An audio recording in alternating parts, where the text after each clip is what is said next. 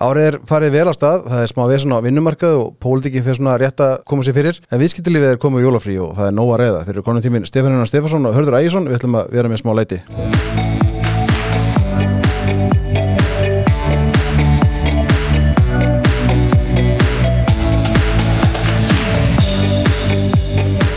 Hér eru saman komnir á förstu deginu 13. Við erum velkomnir.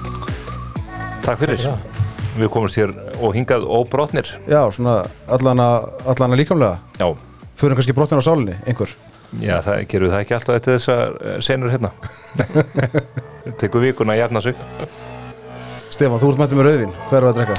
Já, uh, það er þetta alltaf ástæði til að fagna og þetta nýja árið gengi í garð. Þannig að núna erum við með vín sem að eh, kemur frá suður hluta Fraklands, rétt hjá Rón sem er þekkt á þeirri suðrunum úr hér sem að margir þekkja undir heitunum Chateauneuf du Pape. Og þetta er reyndar bara rosalegasta vínið þaðan. Heiti Clos du Pape skrifa Clos des Papes og er, eh, það er ekki allir sem átt að segja því að Chateauneuf du Pape margir heyra þetta af þessu hér en, en þetta vísar til eh, nokkur áratuga á 14. öld þegar að Páinn í Róm var ekki í Róm heldur í Avignon sem að er hluta þessu hér þannig að Klótu Papp uh, er í raun og veru eða þetta vín kemur úr Pávahallargarði Jóhannesar 20. og annars Páva sem ríkti held í á árabilinu 1317 til 33 Áhugavert Já, þetta er krætt mikið vín Þetta, þetta, er þú alfittin Já, kampæðisfélagið er með þetta. Þetta er svona krúnu djástn í, í vingerð söður Fraklands og uh, við fáum nokkra flöskur af þessu ári hverju. Það er ekki mikið framleitt og erfitt að komast í þetta. En, en þetta er eina vinnrættar hér að í heiminum sem ég veit til að sem er lámarks alkohólmagn. Það má ekki uh, merkja vín uh, með merkjum Chateauneuf du Pape undir 12,5% en uh, Ann Avril uh, vinnur minn sem að framleiði þetta vín hann þarf ekki að ágjöra því því að það er 15% og það er nú að segja þess að þau eru kannski búin að smakka þetta þetta er nú Já, ég er að smakka þetta meðan þú talar. 65% grenage þrúan sem að kannski fólk þekkir ekki mikið en og þetta er, þetta er ungt vín 2020, þetta er vín sem maður má geima í ára 10 og yfirleitt þarf að geima þau mjög lengi. Þessi árgangur 2020 er óvanalegur að því leiti að það er, það er hægt að drekka strax og hann er ljúfengur og þið finnið það að þó að þetta sé 15% vín og þó sé svona ungt að þá er þetta óvenju svona stimamjúkt og, og uh, aðgengilegt. Já, þetta er bara mjög gott Ég treysti því að 15% blandan uh, gerir þennan þátt betur og betri eftir því sem líður á. Já, já, við erum þetta að sitja þetta næstu 2-3 tímana og komst ekki með nokkra flöskur Ég kom með eitt kassa, 6 flösku kassa. Já, það er alltaf nóg að reyða við, hérna, við meldum okkur nú aðeins saman fyrir þáttin og vorum að taka hérna sama punta og mér svona með það efni sem að liggur fyrir okkur þá getum við nú sittið hérna í allt kvöld en, en við kannski svona finnum einhvern stað þar sem við látum staðan umið Kanski. K kannski, sjáum hvernig þessu, hvernig, hvernig þessu líður fram. Hvað er að byrja? Ef að byrja á vinnumarkaði? Við ætlum bara að fjalla heilmikið um, um átökinn þar sem átt í stað og, og, og stöðuna þar.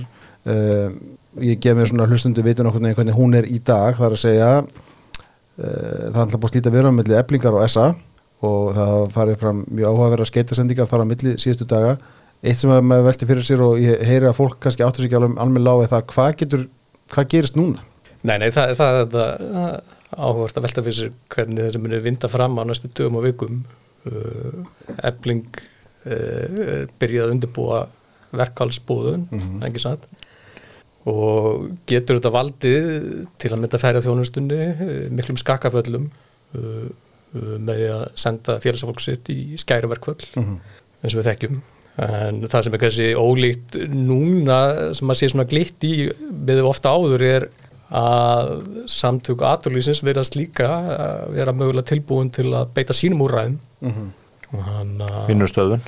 vinnustöðun, verkbann sem er svona tæki sem ekki, ekki verið mjög oft gripið til vegna þess að það er Bara ekki ára tíu Já, þannig að það er uh, augljóslega búið undirbúið slíkt hjá samtökum matvælusins þar sem þau kunna þá mögulega að breyðast að móti við því ef segjum ef ebling ákveður að senda hópa stafsmunum, ég veit ekki, hjá rútufyrirtækjum eða þernum í, hót, í hótel, hjá hótelum landsins að þá getur þetta samtökum aðlurs komið móti og sendt allt það fólk heimdi sín launalust Mhm.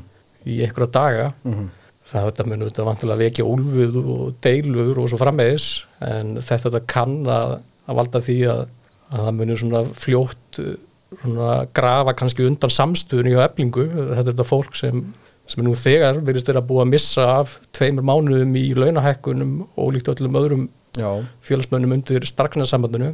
Og annað sem var svona heyri nú nefnt líka að baku tjöldi sem kann að gerast eh, sem held ég hef nú ekki oft gerst í svona aðstæðum að mögulega geti muni ríkisáttisemveri hann geti líka hann sem hann eru heimild fyrir eh, ef ég skil rétt þá getur hann uh, haft frumkvað því að leggja fram uh, án milligöngu eblingar og samtöku aðlýsins bara tilbóð beint til félagsmann eblingar í kostningu hann gæti ákveðið að bara fyrirleiki tilbóð frá samtöku aðlýsins eigi að vera lagt til kostningu uh, sögulega séð hefur ekki, slíkt ekki verið gert nema báðir aðalega við samningabóruðu síðu sáttir með það. Og hann að sem eflingar, sem að fórust eflingar er vantilega ekki. Nei, hún er því vantilega alls ekki sátt með það. Og st- stundum við greipu til þessa sérstaklega í þeim tilfellum þegar kannski fórustum menn verkefælisfélagina sem er nú, hafa nú yðurlega verið kannski uh, menn sem uh, finna til ábyrðar og, og, og, og kunna að lesa uh, ástand í samfélagum hverju sinu þegar átt að segja á því að það verður ekki lengra gengið í viðræðum við, við aðraugundur þetta er kannski ágætisleið til þess að skera þá úr snörunni Já, að fá ríkisfattur sem er til að leggja fram slíkt tilbúð til þess að halda kannski andliti kakvað sínu félagsmönnum. Mhm. uh, en eins og nefndi gísli þá er þetta ekki staðan í dag. Nei, en það er þetta mjög áhugavert ef, ef svona framönda myndi verða verulega á næstu dugum eða viku og sjá hver niðurstaðan er því slíkri kostningu og öflingu. Já, það, er, það eru margir svona óvissu punktar í þessu og það varðar auðvitað ekki síst bara samstöðuna um mögulegar aðgerðir. Mm því miður ef, ég, ég verð að segja, ég hef það bara sterklega tilfengun að, að formaður eflingar hafi gengið að göflónum vegna þess að nú er farið að grípa til þannig aðgerða að ef að fólk andmælarinni, fólk í samninganemdinni sjálfur, þar sé að fulltrúar félagsmanna þá eru þeir bara útilokaðir frá fundum. Þeir eru bara, þeim er, þeim er bara vísað á dyr. Fólk sem að sko hefur verið kjörið til trúnaðastarfa á vettvangi félagsins. Sko Haldur Benjamin hérna, frangatastöri samtök aðtökli sem segja, hann var mjög, er mjög áhugaverðum viðturum í vikunni og segir mér annars er í viðturum við MBL í upphæðu vikunar og hérna hef beint eftir honum og hann segir á þeim, hann segir að tala um það að eflingsýrunni eigi útastöðum við marga einu og hann segir að það eigi útastöðum við margaðal einu þau eigi útastöðum við stjórnvöld, þau eigi út- eigi útastöðum við félastóm, þau eigi útastöðum við eigið starfsfólk þau eiga í útastöðum við fyrrum trúnamenn á sama vinnustað og auðvitað við samtöku aðtölunis og nú ríkisættar sem er að heyrist mér. Svo bættir að við, það er stundu sagt að þegar fíblónum í kringum mann fjölgi þá sé streytið speil. Er þetta ekki bara hárjætt vatjánum? Jú, jú, þetta er Og þarna náttúrulega telur hann ekki upp sko, eins og þú að nefna sko, aðal og samningarnefndinni. eh, bara, eh, maður býður þess bara að hún lendi ágrinningi við sjálfa sig og geti það orðið eh, hérna latta eða dengsa tilefni til þess að semja annan svona ringavillisu texta eins og ég er afi minn um, en hún eh, hún er þarna fer mikinn og, eh, og er mjög ósveigjanlega auðvitað eins og menn vita og manni finnst átti skrítið og maður heyrir menn jafnvel sem að hafa lent undir eflingarvaltaranum undanförnum svo Vili Birgis og fleiri að þeir segja já en hún er bara svo eldheittur baráttumadur fyrir hagsmunni sinna félagsmanna. Eh, sko það, eh, þeir sem beita gjörðingavopnum í, í stríðum eru auðvitað eldheitir stuðnismenn síns málstæða sko. En þeir gera ekki endilega gagn varðandi lokaneðustuðuna Einmitt. og það er það sem að maður óttast að nú, nú í fyrsta lagi er búið að taka af möguleikan um afturvirkni samninga við félagsmenn eflingar sem þýðir að, að sennilega stærðsfólkið eh, eða stærðsmenn sem að eh, tilheyra eflingu búin að verða af 20.000 króna í, í vasan ekkert líklega, það bara er þannig. Já, ekki nema að menn á einhverju svívirðulum hækkunum sem að vegi það upp og, og það er ekki eitthvað sem er á borðinu. Og, og, og þannig að maður óttast það einhvern veginn eftir sem að hún grefur sig dýbra í þessar skotgrafir og það verður bara tjónið fyrir hinn almenna félagsmann meira og meira. Og fólk verður þetta minnast þess líka að, að þó að ebling kunnað búa yfir verkvælsjóðum af mikillir stærð eða tiltekinni stærð þá eru þeir peningar fljótir að fara ég tala nú ekki um ef að verkbannið er sett á og það þarf að fara að bæta stærri hópum uh, tekjutab mm -hmm. og með líka átt að segja því sko ef að þú sem tapir viku tíu dögum, hálfu mánuði í, í tekjur vegna verkfalls hvað þarf það að fá mikla launahækkun á núverandi launininn til þess að vinna það, hvað ert í mörg ár mm -hmm. að, að vinna það tjónu þannig að eh, manni finnst einhvern veginn eins og að hún sjást ekki fyrir og hún, það sé ekki búið hugsað þennan leik til enda og, og ég held reyndar, maður sér það á uh, þessum samninganendamönnum sem andmælinni, maður heyrir að verkefliðsfóristan er að vara við þessu villi byrgi sem komið tölu á það hvað, hver kostnaðan þessu verkefli geti numið. Og uh, við heyrum að fólki sem er að leita útgöngu úr stjættafélaginu vil komast í önnu stjættafélag, fá afturvirknina og losnunda verkvals uh, hérna á þjóninni og svo heyrir maður auðvitað eins og samtök ferðarþjónustun og fleiri og fleiri aðla draga upp þá mynd að þetta sé óskinsanlegt og að það sé í raun og veru, sé að þeir finni fyrir því að stórir hópar félagsmenninan eblingar viljið þetta alls ekki mm -hmm. Og þá getur það hreinlega gerst ef að þessi verkvælsbóðum fyrir í atkvæðagreyslu sem allt stefnir í að þetta getur bara staðið tæft eða, eða hvað er, kannski og eflaust meir hún hún hefur nú sínt að hún vinnur yfirleitt kostningar í félaginu, hún er að smala svona þessum reyða hópi að bæki sér. En segjum sér svo að hún myndi fá verkvælsbóðun samþýtta með 51% þá vexaðu þetta þrýstingurinn á ríkisáttar sem hann að grýpa til þeirra aðgerða sem að hann hefur, sem er svona halkjör misindis úræðið samt ja. og svo vaknar þetta líka bara spurningin hvað ætla stjórnvöld að gera? Ætla stjórnvöld að leifa fólki sem að er, eins og ég sagði hér, augljóslega gengið á göblónum að halda hér öllu í, í heljar greipum þegar við erum í mjög viðkvæmri stöðu mm. það vita það til þess með ferðarsannastu fyrirtækin sem, sem þau eru að beina sjónu sínum að er ekkert búin að ná sér eftir COVID, þau eru mörg hver afar skuldsett og, og veikburða. Já, já, með ekki við vinnutröflunum eða tröflunum sínum starfsefn. Þau eru auðvitað það að það hefur bara neikvað áhrif á orðspóru okkar og, og mm. mögulegt flæði ferðamanna hér eftir sem að líður inn á árið og allt þetta sko. Þannig að Er þetta kannski það sem að kannski minnst rætt, það er að þú veist stjórnvöld eiga en þá eitthvað einhver spýrið upp í svona jærminni? Já, þú meina þá um að, að þau setja henni alltaf lög á slík verkvöld Já, menn það hefur verið gert aður Já, já.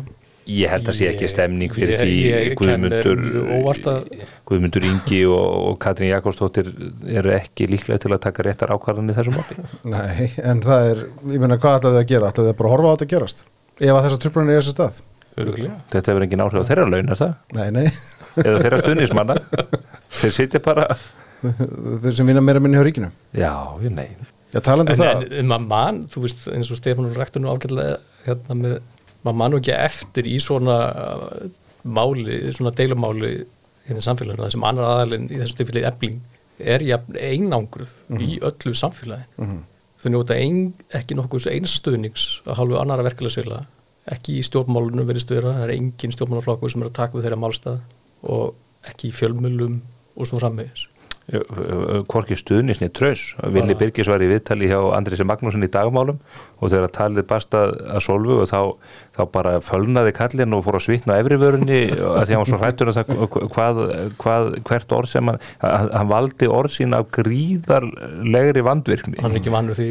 Nei, nei, hann bara var eins og undirleitt skólastúlka uh, uh, akkurat í þessu kafla viðtarsins að því að þeir vita bara, þeir, þeir eru búin að sjá til hennar Já, það er ekki látt segja við sátum hér og vorum að tala um þetta bandala þegar að tryggja Ragnar Stórs, Villa Birgis og hennar var nú ekki Mér finnst það bara að hafa verið, hvernig var þetta? Í oktober eða september-oktober sem vorum, sátum hér að ræða þetta sko. Já, og það var þetta fáralegt að Vili Bygg væri í bandalagi með henni þau er ekkit samveg sem er akkurat það sem þú saðir þá. Vilið mætum maður og, og, og, og skissum maður yfirleitt. Nei, nei, en menn geta nú haft sammeila hagsmunni, þú veist vesturveldin sögð á sínum tíma að það er fáránlegt að Hitler og, og, og Stalin séu saman í bandalegi hérna. En það kom á daginn að, að annar stakk hinn í bakið. Það er líka það sem gerist í þessum vanheilugu bandalögum sko. veist, þau, þau brotnir þetta upp að því að annar eh, sko, missir kúlið eða, eða þrítur örendið. Og, og það er þetta þessu, ég menna Vili fekk bara gríðilega góðan samning. Herðu, hún er eh, hún, er, hún hafnar samningi og, og berst á hæl og nakka ég hef þó að samningur sem að liggur á borðinu leiði sennilega til 6%, 6 kaupmáttaraukningar í kreppu mm -hmm. í samdrætti, það sem að bara allt er að vona völ. Hva, hvað vill hún? Hva, hvernig á þetta enda? Og, og hún þarf þetta líka að hugsa til lengri tíma litið. Þetta er, þetta er skamtíma samningu til 15 mánada hún ætla nú vantarlega að vera formaður eflingar lengur en það.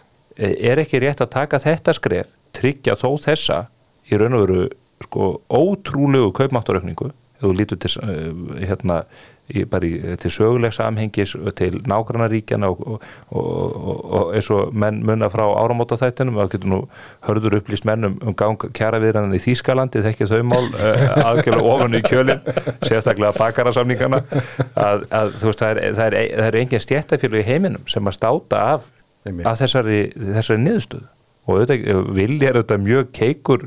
Það er, það er fátt skemmtilegra heldur en þegar villi kemst, það, það tvent sem er skemmtilegt við villa í svona viðtölum.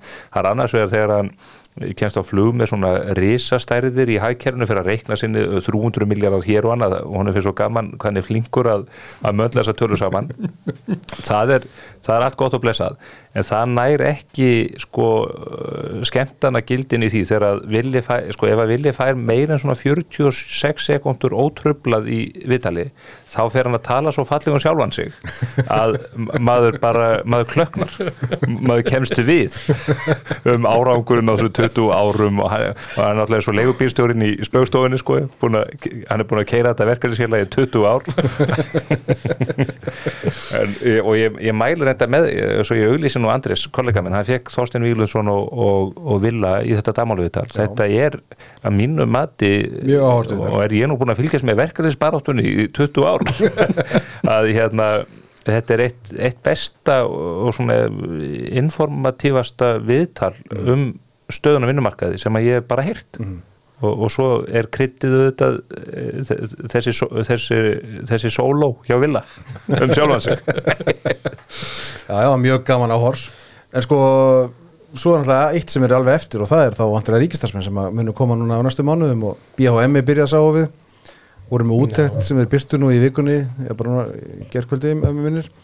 Þar sem þeir eru að fjallum sko, þeir eru mjög undarlega útætt komandi frá BHM þar sem þeir eru að fjallum sko rekstra hagna fyrirtækja almennt og beina sjónu sínum á sérstaklega maturvestunum ég er ekki vissum að séu margir félagsmenn BHM að vinna fyrir haga eða festi Ég held að þetta verið reiknað af lífendafræðingum í BHM En þar mætir Fridrik Jónsson formaður í, í fréttatíma Rúf og fyrir að tala um það hvað að fyrirtekin getur nú vel tekja á sig auknar launahækanir. Sko, ég var nú með hérna Þúr Gunnarsson og Örn Örnarsson inn í síðasta þætti, eða þar síðasta þætti og vorum að ræða þessum til dæmis maturverslanir og, og þetta og þið þekkja þessu umræði kringum, kringum hagnað þeirra. Uh, Hagar var nú að byrta uppgjur í vikunni, það er nú ekki beysið uppgjur. Nei, nei, þeir voru að byrta uppgjur í gæri eftir lóku marka Já, og, og, og hann, eins og segir, fjárfesta voru ekki ekki ánað með það uppgjur. Mm -hmm. uh, ég man ekki hvernig þetta endaði í, á markaði þetta en það var niður um 3-4% gengi félagsins og, og það var eins og eins og held að Þóruður og Örgnar já, hafi rætt síðast það var bara áframaldi lækkun á framlega hlutalli félagsins mm -hmm. Það er búið að lækka start og stuðu til frá 2018 og 19 þannig að með öðrum orðum, þú veist, álagningin hjá það meira minka mm -hmm. og þetta kreppir að hjá þeim þessu fyrirtæki sem er að verða fyrir, fyrir bylgju verðhækkarna frá sínum byrgjum og, og ekkert láta því.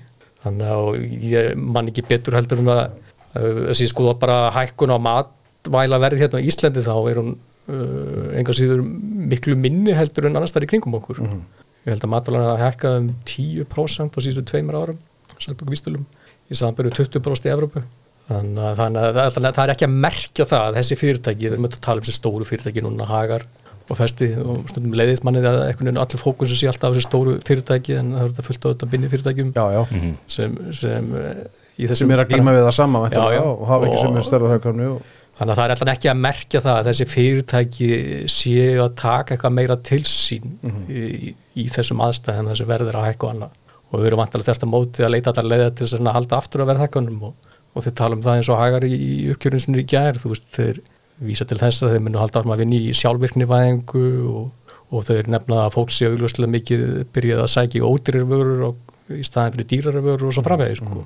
þannig að já, já. þessi þessi, þessi greiningi á PM er bara fyrsta lagi undraði mér að sjá að þeir voru búin að hvað, það eru 13. janúari dag menna, og þeir hafa greinilega yfirsinn yfir, yfir afkomu uh, allra fyrirtæki á landinu í fyrra Já, já, þeir setja svona smá fyrirvara á það en eru samt nokkuð nákvæmi með, vel, hann, með sína spár fyrir það Já, sko, annað sem að vera líka að taka inn í þetta viðskiptahakerfið er að stækka uh, umsöðun er að aukast í, í, í öllu okkar uh, samfélagi. Og uh, þá kannski ekst hagnaðurinn eins og þeir benda á eins og hann gerir. Það er þetta líka bara til margsum það að efnahagsreikningar þessara fyrirtækjur að stækka. Mm. þá þurfum við að skila meiri hagnaði til þess að sína arð sem á eigið fyrir og þetta eru hlutir sem að það má ekki tala um þetta það má ekki, nei þetta er hlutir sem velnilegt fólk sko, er ekki alltaf veltað fyrir sér heldur. Nei, það, það er auðvitað að matriða óniðu að að hagnar en eitt skipti máli. Já, já, og, og, það, og það var auðvitað og er gert þarna. Mm.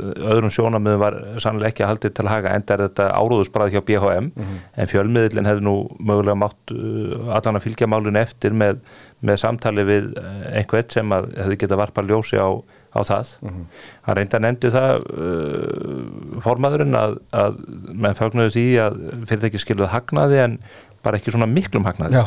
Og það var auðvitað gott að fá þetta sprenglæriða fólk í, í, í, í BHM til þess að, að gefa það þá kannski bara út hver hagnaður fyrirtæki megi vera Mér finn hann að tala, nota orðið óhófshagnaður e, e, ef ég er að hafa rétt eftir hann Óhóflegan hagnað. Já, já. Hann, hann notaði samt eitthvað skríti orð. Það var, hérna, var að meina óhóflegan hagnað. Já, sennilega er þetta bara sko, hugtak sem að fólk með doktorpróskilur í, í málfræði eða einhverju líku í íslensku. Og við hérna söðsóttur almóin Já, já mitt, ég, en, en, svo er, en svo er það líka þetta sko, þegar að menn er að taka saman hagnaðatölur fyrirtækja sko þá það verður að fara að koma fólki í skilningum það að, að hagnaður hlýtur að, að, þurfa, að hann hlýtur að þurfa að skoða í ljósi umsvifa fyrirtækjana efnahagsreikningsfyrirtækjana eins og verðum að nefna mm -hmm. menn segja, bankarnir þeir eru búin að græða hér 20 miljardar, 100 miljardar á síðasta áratug eða hvaða er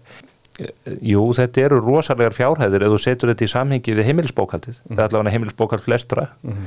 en þetta er ekki endilega stóra fjárhæðir þegar þú skoðar heildar umsvefin eða hvað er undir bara ef við lítum til stóra alþjóðleira fyrirtækja þegar við erum að fá hér frettir af hundruða miljardar hagnaði tæknir í sanna og annað sko hverjum ársfjórungi að þá virkar þetta rosalega stóra tölur en það eru það ekkit endilega mm. og og það er svo mikilvægt að fólk svona áður en það hleypur upp til hand og fóta. Ég ætla að nefna eitt dæmi bara út frá frábæri grein sem að Óli Björn Kárásson skrifaði í, í mokkanunni vikunni.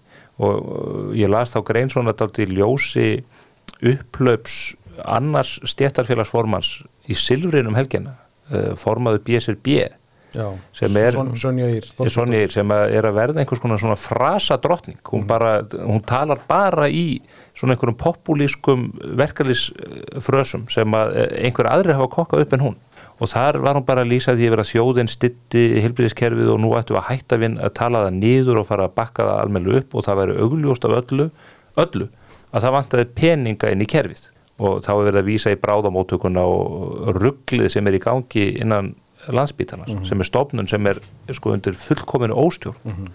Búin að vera lengi Já, Óli Björn sem er mjög flinkur penni og, og naskur á að draga fram aðalatin hann bendir á það í þessari grein að á förstu verðlægi frá árunni 2017 miða við fjárlögin sem að núna líka fyrir fyrir 2022 þá sé búið að auka e, e innspýtingu til helbriðismála um 94 miljardar mm. að raungild mm við erum sem, sem sjóð að verja 325 miljardum á þessu ári í heilbíðiskerfið. Það jafngildir 863.000 krónum á hvern einasta mann í landinu. Nýfætta sem uh, uh, þá, þá eldstu og þá sem uh, næst munu hverfa úr samfélaginu. Mm -hmm. Og hvernig getur fólk sem ætlar að láta að taka sér alvarlega eins og hún Sonja Ír mætti hvert viðtala á fættur öðru og haldiði fram að þetta sé einkenni svelti stefnu. Hvað hefði þurft að auka framlögin frá 2017 mikið að raungildi ef að þetta hefði ekki átt að kallast svelti stefna að þeirra mati? Mm -hmm. 9, 10 og 4 miljardar, það eru 94 þúsund miljónir og, og þetta er þetta bara óþólandi og svo sitja þáttastjórnendur og hinnir þrýr viðmælendurnir gapandi yfir, yfir frösónum Já, ekki, einn ein, ein viðmannandi lit nú að það sé sér heyra hana já, já, einmitt. Svanhildur Hólm, framkvæmstöður viðskiptar ás hérna, Ollin og smá Íslam Já. og fekk bátt fyrir. og mun, mun öruglega ekki gera aftur. Þe- þetta góða fólki í umræðinu og Twitter og Facebook mun tryggja það þetta, að hún hugsa sér tvisar um að hún bendir á að, að heilbriðistjættirnar eru nú ekkert láttlöðina fólk, þrátt fyrir allt. Og bendi bara á tölur uh, þess efnis. Já, já, sem bara rétta tölur sko. það, við sjáum ekki oft uh, svo, svona tölur nefndar. Bara eins og hún, hún gerði ágætlega í þessum þætti og bara mjög gott hjá henni að koma fram með það. Ég meina þetta er einhvern veginn jarðspringisveiði sem maður má ekki fara inn á. Þetta er bara jarðsprengjusvæði og, og, og þetta eru stopnanir og kerfi sem er algjörlega stjórnlöst mm. Akkur er stór hluti hjúkunarfræðinga á landsbítalanum ekki fullu starfi? Af því að borgarbeitu vantilega vera bara í hlutastarfi og taka svo vaktir. Taka svo bara yfirvinnu hvaða fyrirtæki myndir láta bjóða sér upp? Ef þú lappað þú upp á móka gísla morgun og segir ég ætla að fara í 50% starf en ég ger mig grein fyrir því ég þarf að vera hér tíu tíma á daga alla vikuna bara hinn helmingurum verður bara á yfirvinnu. Take it or leave it. Og veistu hver svarið væri? leave it. Það er eðlilega svarið. Og akkur er fórstjóri spítalans og, og, og þessi menn ekki bara búin að segja við allt þetta fólk? Leave it. Ef þetta er svona ömrið farið þá bara. En þeir reyndar starfsfólki mátu eiga það að þessi fráflæðisvandi og það að þetta er auðvitað stjórnunarlegs eðlis. Og ég er algjörlega uh, heimilifandi við því að, að fjármálráþurann og, og reyndar sífælt fleiri að þér viðist segja bara, heyrðu, þið fáið ekki fleiri milljarða inn í þennan spítala fyrir þið farið að skila einhverju. Og ég held að mun ekki komast neitt skikk á þessa stofnun fyrir þið fara í þessa afkasta tengdu fjármögnun þannig að spítalinn fái bara krónur inn eftir uh, því hversu mikið hann framleiðir af þjónustu fyrir Íslands samfélag. Sem að Björn Sóvöka, stjórnarformaður spítalans hefur nú tala fyrir. Ég, hefðu, það var undirritað samningur um þetta hætti 2016 eða 17 og Pál Mattiasson og hans fólk þau keirðu reksturinn eins og þau hafa kosið að hagunum í gegnum þetta kerfi og sá að þau hefðu ekki fengið krón út úr því. Þannig að þau bara íttu því bara undir stól. Og núna þarf bara að segja hefðu Runólu Pálsson eitt besti nýrnalæknir í heimi no joke, fr- frábær Já, nýrnalæknir ég trúi því. Nú hefur hann bara x tíma til þess að innlega þetta kerfi og koma að skikja á þetta. Annars verðum við bara að fá eitthvað fólk sem að hefur nennu og getur til þess. Af spítalegi og að fara að tala um bankasölu. Hörður, þú gerum við það ekki öllum þáttum eiginlega? Ég nennu ekki að staldra lengi við það máli. Við ætla að vitum það að Íslandsbanki tilkynnti hérna í upphæði vikunar að, að bankin hefði fengið það sem kallast frummat FME á, á vinnulagi í kringu stöðsön Íslandsbanka og síðan er þetta bara gengið til sátta og þetta, þetta er einhvern veginn við náttúrulega aðeins til að taka sko þenn, þann hluta þú veist að, að þegar hann verðist hafa orðið allir einhverjum miskilningi hérna í vikunni. Þetta, hvað, hvað færst því að gera sátt við FME, þetta er nú alþekkt í, í hérna, íslensku viskildlifi já. Þetta Það allir bara miskilningi á einu manni einu manni sem, sem er, sem miskilur allt. Er, anna, er annar að tveimur álinskjöfum rúf þegar kemur að umfjöllunum bankamál. Björn Torfason og, og hinn álinskjöfunu Guðrún Jónsson og hann var fengið hann í settið þið var ekki tíu fréttum tíu hlutum á mándaskvöld uh, skömm eftir að tilkynningin það verið sendt út og, og bara virtist að koma að fjöllum og allt eh, málið frá uppáð til enda og hafði aldrei heyrt á minnst eins og segir um eh, að það hafi gest að fjármálafyrirtæki ákveða að leita sátta í svona máli. Og virtist, held, virtist líka á móti halda að þarna væri um að ræða alvarlega upphæð í ljósið sem er fært að móti ef, ef doktorinn hefði kynnt sér eh, heimild FMI til að leita sáttar að þeirra fjármáli fyrir ekki samtíkir það þá eru ekki um að ræða meira átt að brot og þar leðandi ekki um að ræða verulega upphæð. Hæsta sekt sem hefur verið lögð á í svona sáttum fjármálafyrirtækja við FMI er í tilfelli Arjónbanka 2021 eða maður rétt þegar þeir voru taldir ekki hafa verið nógu snöggið til í að tilkynna með hópuppsögn í bankanum og fengu 89 miljonar sekt sem er okkar reynda að fara með til domstól og töpuð í máli. Það var þetta mjög hásegt það er mjög, mjög hásegt og hann að það er ólíklegt að sektin í þessi máli verði svo há en þú veist það kemur ljós. Hann að en það má svo heyrði það svo sem alveg þegar tilkynningi bast út að menn veltu fyrir sér átt í Íslandsbanki að tilkynna þetta í kaupillina. Mm. þetta er vantilega tilkynna grunni innfyrir lögjafar mm. Það olli því alveg að menn kannski skiljilega fóru að velta það fyrir sér.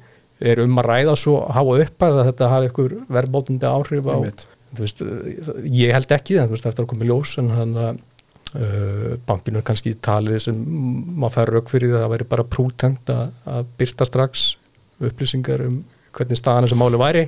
Og þetta undir þarna eitthvað svona orðspósnekkir eða ekki varandi fyrir bankan Já, já, en, Eh, en það er samt búið að vita, fólk er búið að vita einhver tíma eitthvað svona sé á leiðinni, menn þetta var í skoðun og ég meina bankin, En auðvitað er þetta, þú veist, auðvitað er þetta álitsnekkir, þú veist, þetta er ekkert óvænt, þú veist, þú erum búin að vita alveg frá upphæfi ákveðna misbrest í þessu ferli. uh, Íslandsbanki var, hlustu kannski muna, hann var, lei, hann var leiðandi ráðgjafi bankasíslan í söluferlinu, mm. sölu á hlutum í sjálfu sér. Það er ekki veist, það hefur gæst að bankar séu slíku hlutverki. Ég held að þetta mál og bara almennt síni, síni að það er ekkit heppilegt að bankar séu slíku hlutverki. síst af öllu í litlu landi Nei, og og ég, litlu markaði það er kannski bara eitthvað sem að fólk lærir af þá og gerir betur næst. ég held að þú veist ég held að bankasíslan hafi gert mistök í því ég held bara að Seppast að segja að Íslandsbanki hafi dálítið tekið bara frumkvæði í aðdraðanda því það var aðsett útbóð raun og veru að nánast að handvelja sjálfan sig í því að vera liðandi aðli það er ekkit launungum mála að Íslandsbanki sko var byrjaður talsvert og undan að að eiga fundi með fjárfæstum allir vissu að það yrði eftir einhverja vikur, mánuði útbóð að, að svona preppa fjárfæstum þetta, jafnvel að segja fjárfæstum að, að svona það væri mikill að þeir myndu koma sér upp hjá Íslandsbanka eins og orða, það menn sér vasslar hjá þeim og annað því að Íslandsbanki er nú í ykkur hlutverki hana og svo framvegis. Ég held að með, þú veist, Íslandsbanki varð fyrir álsnekkir bankin og stjórnum þess í þessu ferli. Og það er það sem situr eftir í þessu útbúðu og það hlýtur að hafa einhverja eftirmála í kjölfarið. við, við, þetta, eins og þú segir það, það hefur verið vittneski um það það væri eitthvað á leiðinni og að það hefðu einhverja brotalamir verið.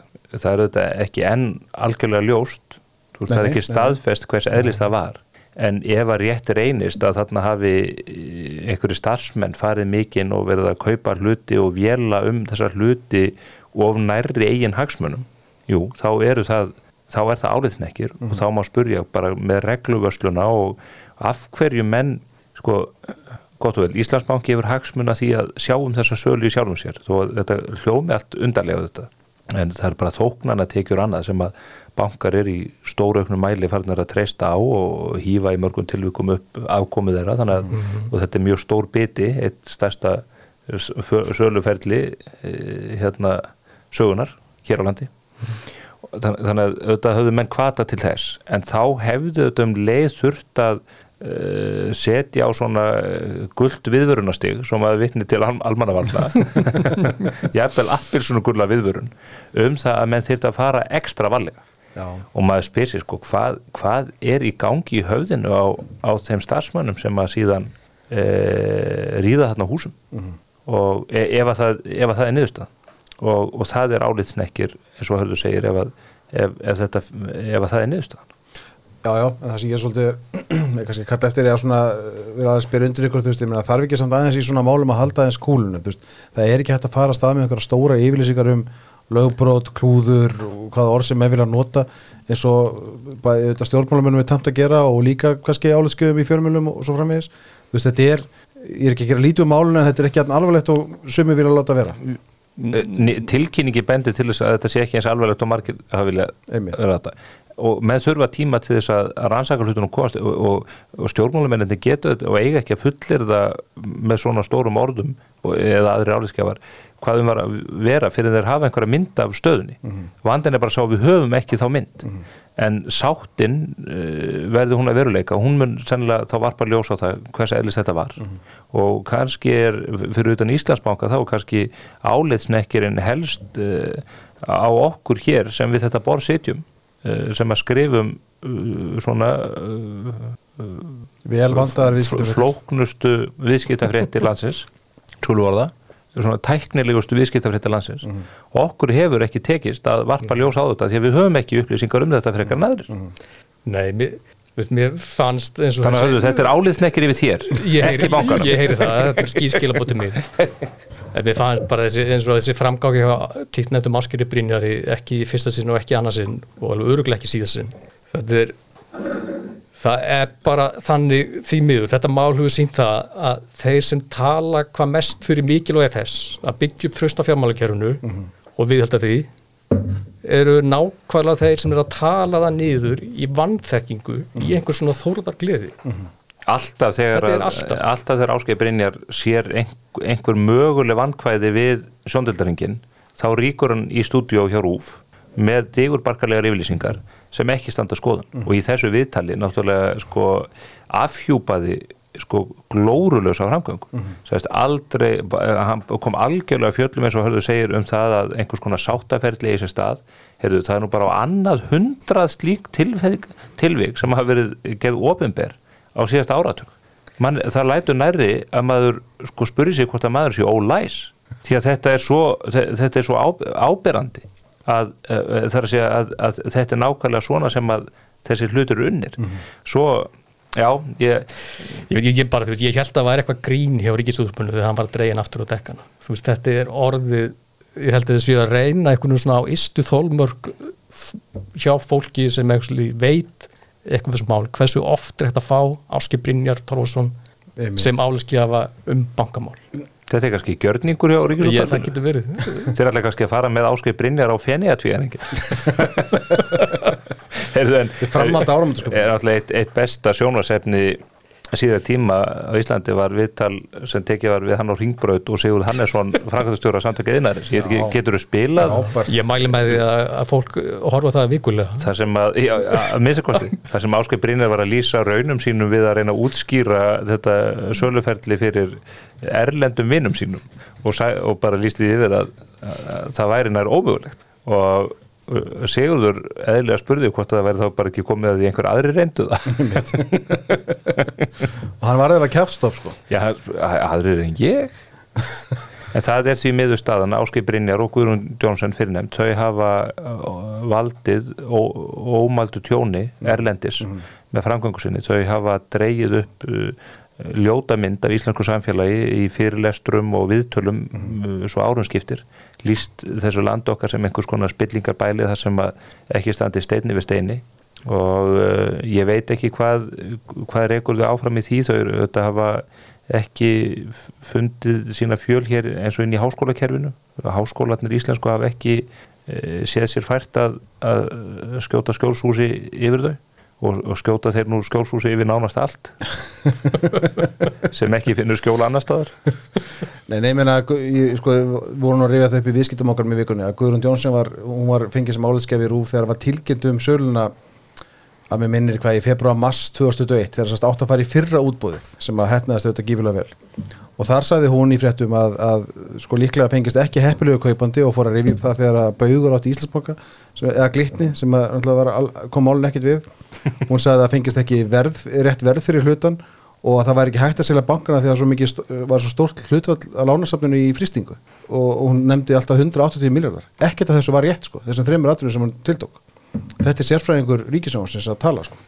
Nei, það er þetta bara magnað það er magnað með ríkistúðarpið að þessi stofnum sem er með hvað 800 miljard króna umleggis á hverju ári að það sé henni ofviða að vera mögulega með einn fréttamann í vinnu sem kannski veit eitthvað um viðskipt efnaðasmál og gæti mögulega haft eitthvað vit á því til hverra væri heppilt að leita til að tjása um sem mál önnur heldur en eitthvað aðra heldur en Guðrunu Jónsson en Áski Brynjar.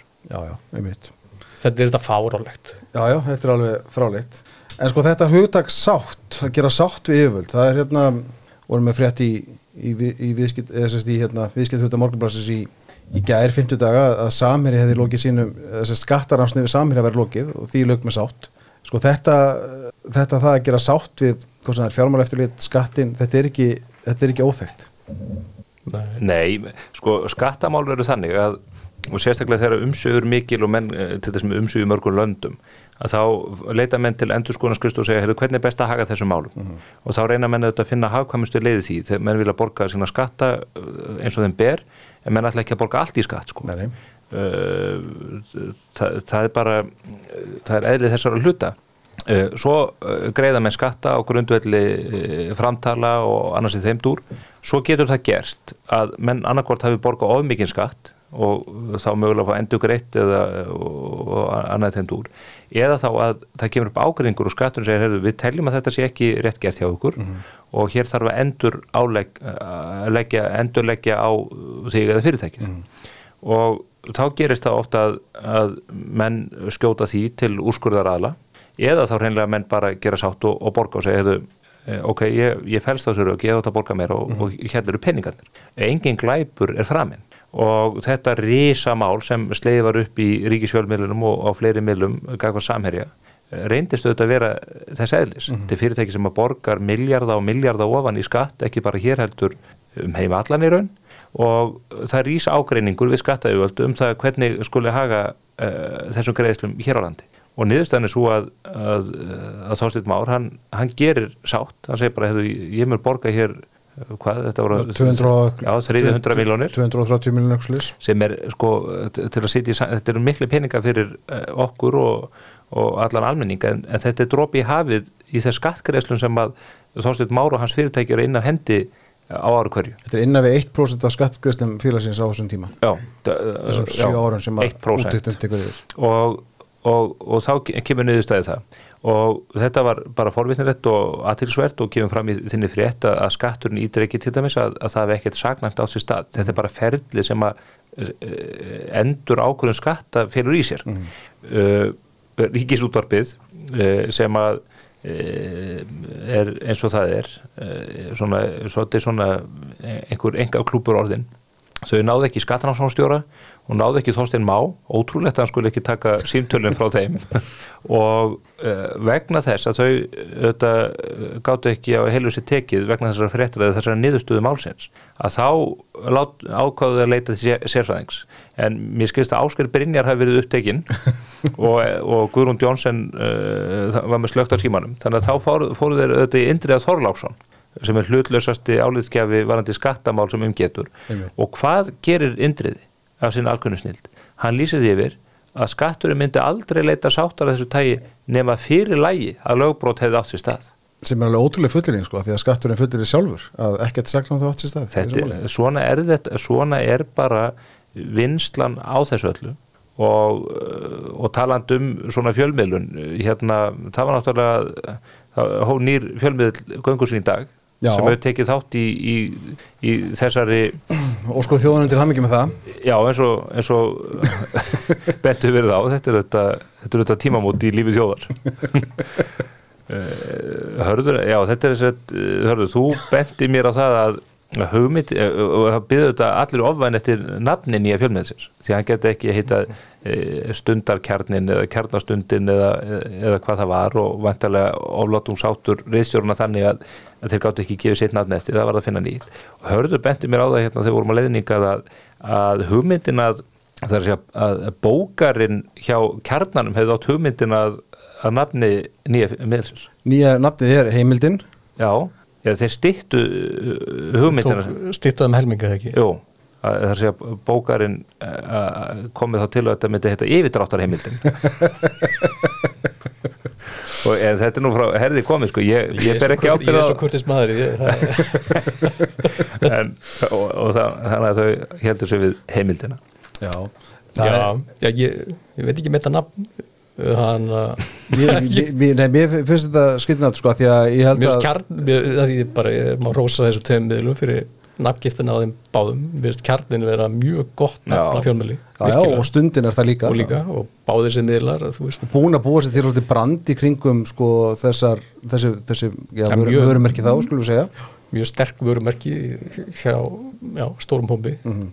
Heimild. að Þetta er, en kannski, kannski venst þetta, ég veit það þetta er svona eins og nafn á einhverju sænskum glæpaþætti sem gerist árið 1980.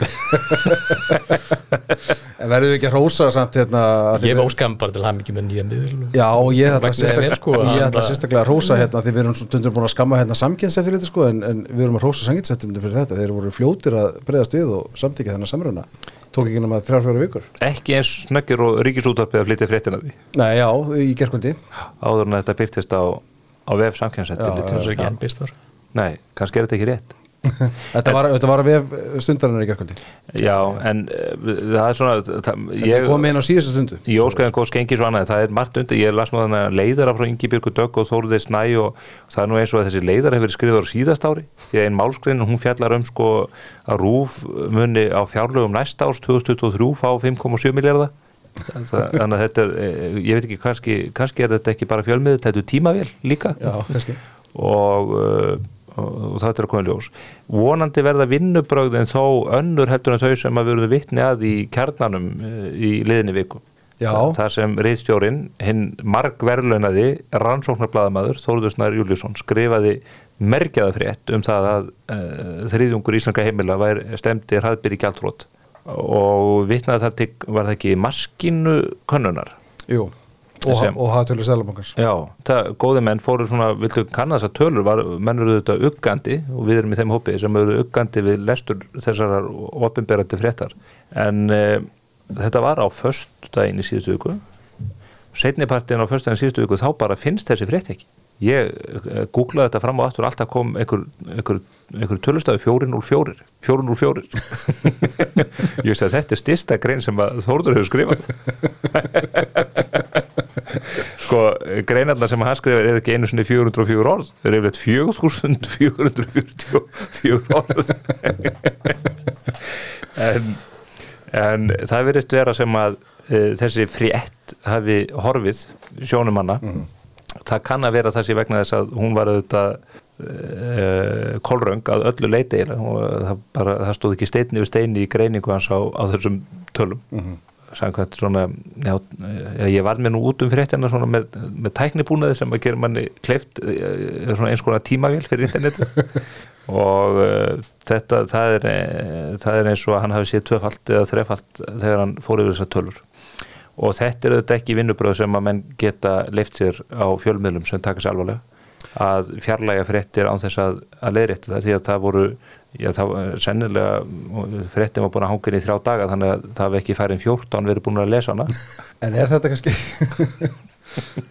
Áts. Já, við vitum það ekki, það er ekki mældur lesturinn. En hérna, sko, er þetta kannski hlut að því að reyna að málu upp þá mynd að, þú veist, sem að hefur þetta verið svolítið svona stefið í, gertanum, þú veist, og kannski einhver hluri miðlum að málu upp þá mynd að, þú veist, ójöfnuðu sé að aukast, að ríkast 1% hafi það betur en aðra, aðrir veist, að, að það sé einhver svona verða til einhver svona óeðlilega stjættaskipting í landinu? Já, það er, þetta er enn byltingamind aldrei á því.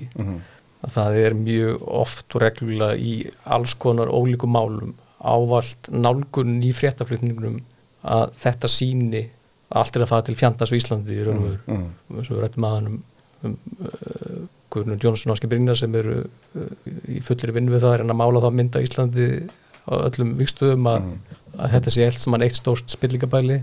Þá stundum finnst manni það í umfjöllun þessara miðla að þetta sé alltaf útgáspunkturinn uh, stór hluti hóps að hafa það skýtt meðan að 1% makka krókin teku sér fjármagn eins og stundum er sagt Nei, en ég er bara tekið undir með auðvitað, þú veist, við hefum allir gert eitthvað mistök í, í, í fréttaskriðum þá bara byrjast velverðingar á því. Og leiðir í þeim að fréttina og það er nú bara svona partur af því að við alltaf trúveruleika mm. sem er það sem eh, eina sem blaðamenn hafa sko, og skiptir máli.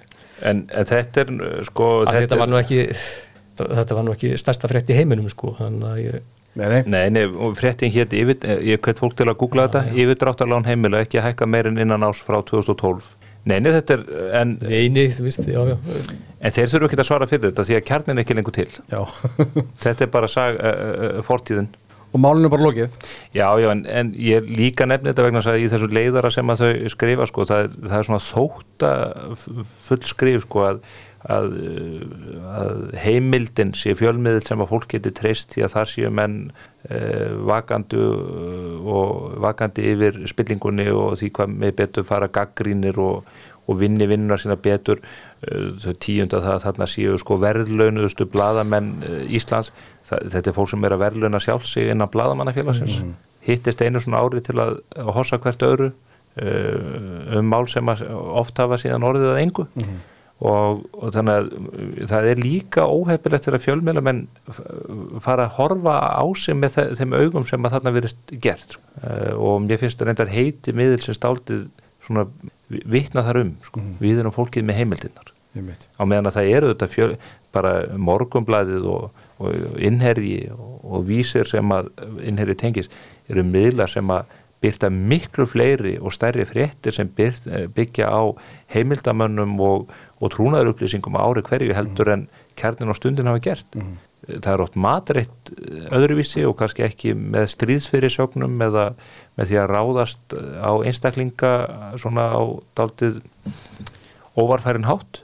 En, en rannsóknarblæðamennskan sem á sér stað á vettvangi morgunblæðsins og, og innherja og eru, eru oftast stæri sniðum heldur en heldur en hjá þessum miðlum. Já, já, heldur betur talandum um mengun og hérna orðhind lofslag það var hérna það vakti aðtekli mín að ég verði aðeins að minnast á það hérna, ég ætla að fara að tala um allt annað. Eh, sko, það var eh, mikið fjallaðum það hérna í byrjun ásins það var hlutar alvarlega fréttir af því að það væri svo mikil mengun reykja að fólk hætti helst að hætta að keira ég ætla að spila hérna stutt viðtal sem að hérna byrtist í, í að þau voru að tala um rúfaðan þetta var nú í kvöldröður rúf hérna 5. janúar það sem er að ræða við Svöfu Steinastóttur hjá Reykjavíkuborg um mengunin í Reykjavík sólarhingsgildana og mengunin e, má mest fara sjö daga á ári, svona mikið og við erum búin að fara tvo daga en það er nú líka bara 5. janúar og hér er alls konar mengun og það er ekki bara köpnunarefnis díósið sem við erum að tala um núna, það eru auðvitað svifriki líka og allt það en Svafa, hversu alvarlegt er þetta? Það er náttúrulega alltaf mjög alvarlegt þegar við erum að fara yfir heilsuvendamörk því að þau eru sett til þess að venda okkur, almanna borgara og heilsu okkar. Þannig að við lítum það þetta alvarlega með og sérstaklega þegar vengunin er svona viðvarandi eins og hún er búin að vera síðustu dag. Svo kemur besti Og það karlinn sem kemur kannski á óvart er það að það er heimild í lögum fyrir borgina til þess að grípa til aðgerða. En það er einn hengur á því að það er ekki búið að setja reglugerð sem að uh, segir hvernig beita megið þessum heimildum til þess að draga úr þessu. Og þótt að sé nú ekki þitt að svara því uh, svafa þá kemur það nokkuð á óvart að þessi reglugerð skul Um, maður hefur ekki heyrta frá borginni að hún hafi verið að krefjast þess en það er eitthvað smottur í sem er hægt að gera núna Já, við náttúrulega erum með í viðbragsáallinu okkar, erum við með listaðar þessar róttækari aðgerði sem er hægt að beita og við erum náttúrulega búin að reyna að leggja harta stjórnvöldum að, að, að skýra betur hvernig við eigum að beita þessum heimildum en sem, en sem komið er erum við náttúrulega bara með þá skamtíðama aðgerð að hvetja fólk til þess að draga úr notkun enga bíl. Þetta er svona þessu nótur sko, þetta er náttúrulega lengsti ingangur af því bara, er ekki með eitthvað reglur sem geta bannað að fólk að kera? Ég, mér finnst alveg nexlu þess að ekki búið að setja þess Þetta er eitthvað dæmalösasta viðtal eh, bara síðar ára. Það er Ég bara mæli með að einhver, hlustundur að horfa á þetta þetta, þetta er alltaf augljóst að heilbriðisfulltrúin frá Reykjavík hefur matað bladamannin eða frettamannin frá Rú sem vissi ekki eftir málið Akkurat, það er akkurat málið, sko.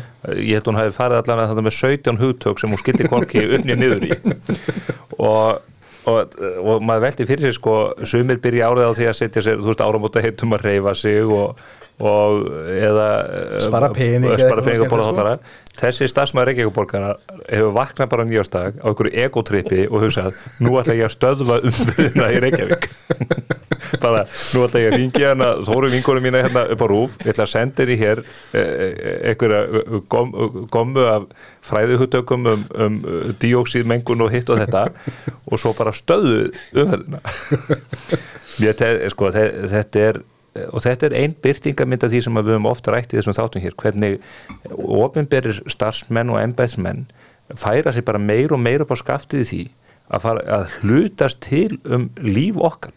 Bara þannig að þessi kona á sér blöta drömmu það að við megum ekki nota bílinn okkar. Við bara megum ekki keiri Reykjavík eh, þegar einhver mælir sem að hún er búin að setja upp eða umhverjastofnun fer yfir einhver mörg. Og ég fór nú aðeins að skoða þetta mála þegar mér var þetta um og ó sko, bara hvers konar brjálaði þetta væri. En það er lúna til landsbítarnas var ekkert yfir hluta bara bráðamóttakan og það er kannski hluta fráfræðisvandanum, ég veit það ekki. En, en hvar er þessi mælir sem að mælir þessa ógurlegu mengun? Vitið þið það? Já, mér sýnast það að vera hérna við grensasögða sem þetta vitur þetta ekki. Er, hann, er, hann er upp á gámi sem umhverjastofnin hefur sett upp uh, þarna rétt á Pfaffhúsinu. Og þetta er svona í, í lægðið að slakka í borginni og þetta auðvitað valið vegna þess að það eru sex st- helstu strætóleiðir borgarinnar líkið þarna hjá. Og þú veist þetta er grensásvegurinn e, þetta er miklabrautin og þetta eru hérna hvort þetta sé felsmúlin sem að liggur þarna niður í, í skeifuna. Og þetta er þetta mjög mikil umferð. Og svo er þetta svona lægðardrag þar sem að svona þungir þunga eiturefni le- eh, eh, setjast fyrir eins og við þekkjum í var, varnaðarorðum varnandi elgósin en það er ekki nóg með það heldur er þessum mæli stilt upp aftan við strætóstoppistöð þar sem allar þessar leiðir stoppa. Þannig að í lausagangi eru díseltrukkarnir frá borginni spúandi upp í þennan mæli öllum stundum. Og þessi konar sem þetta vill eh, fá heimildir til þess að stöðva umferðir Reykjavík eða takmarkana.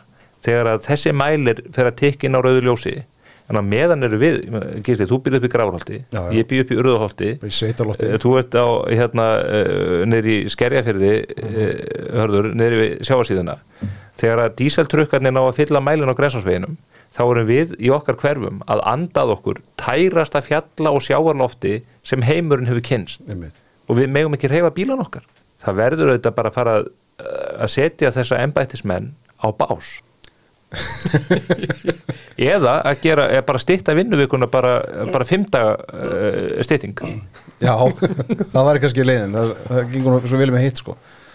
Þetta eru þetta, ég meina bílar eru alveg umhverfisverðni það er alltaf þróast í betri átt í þessum málum.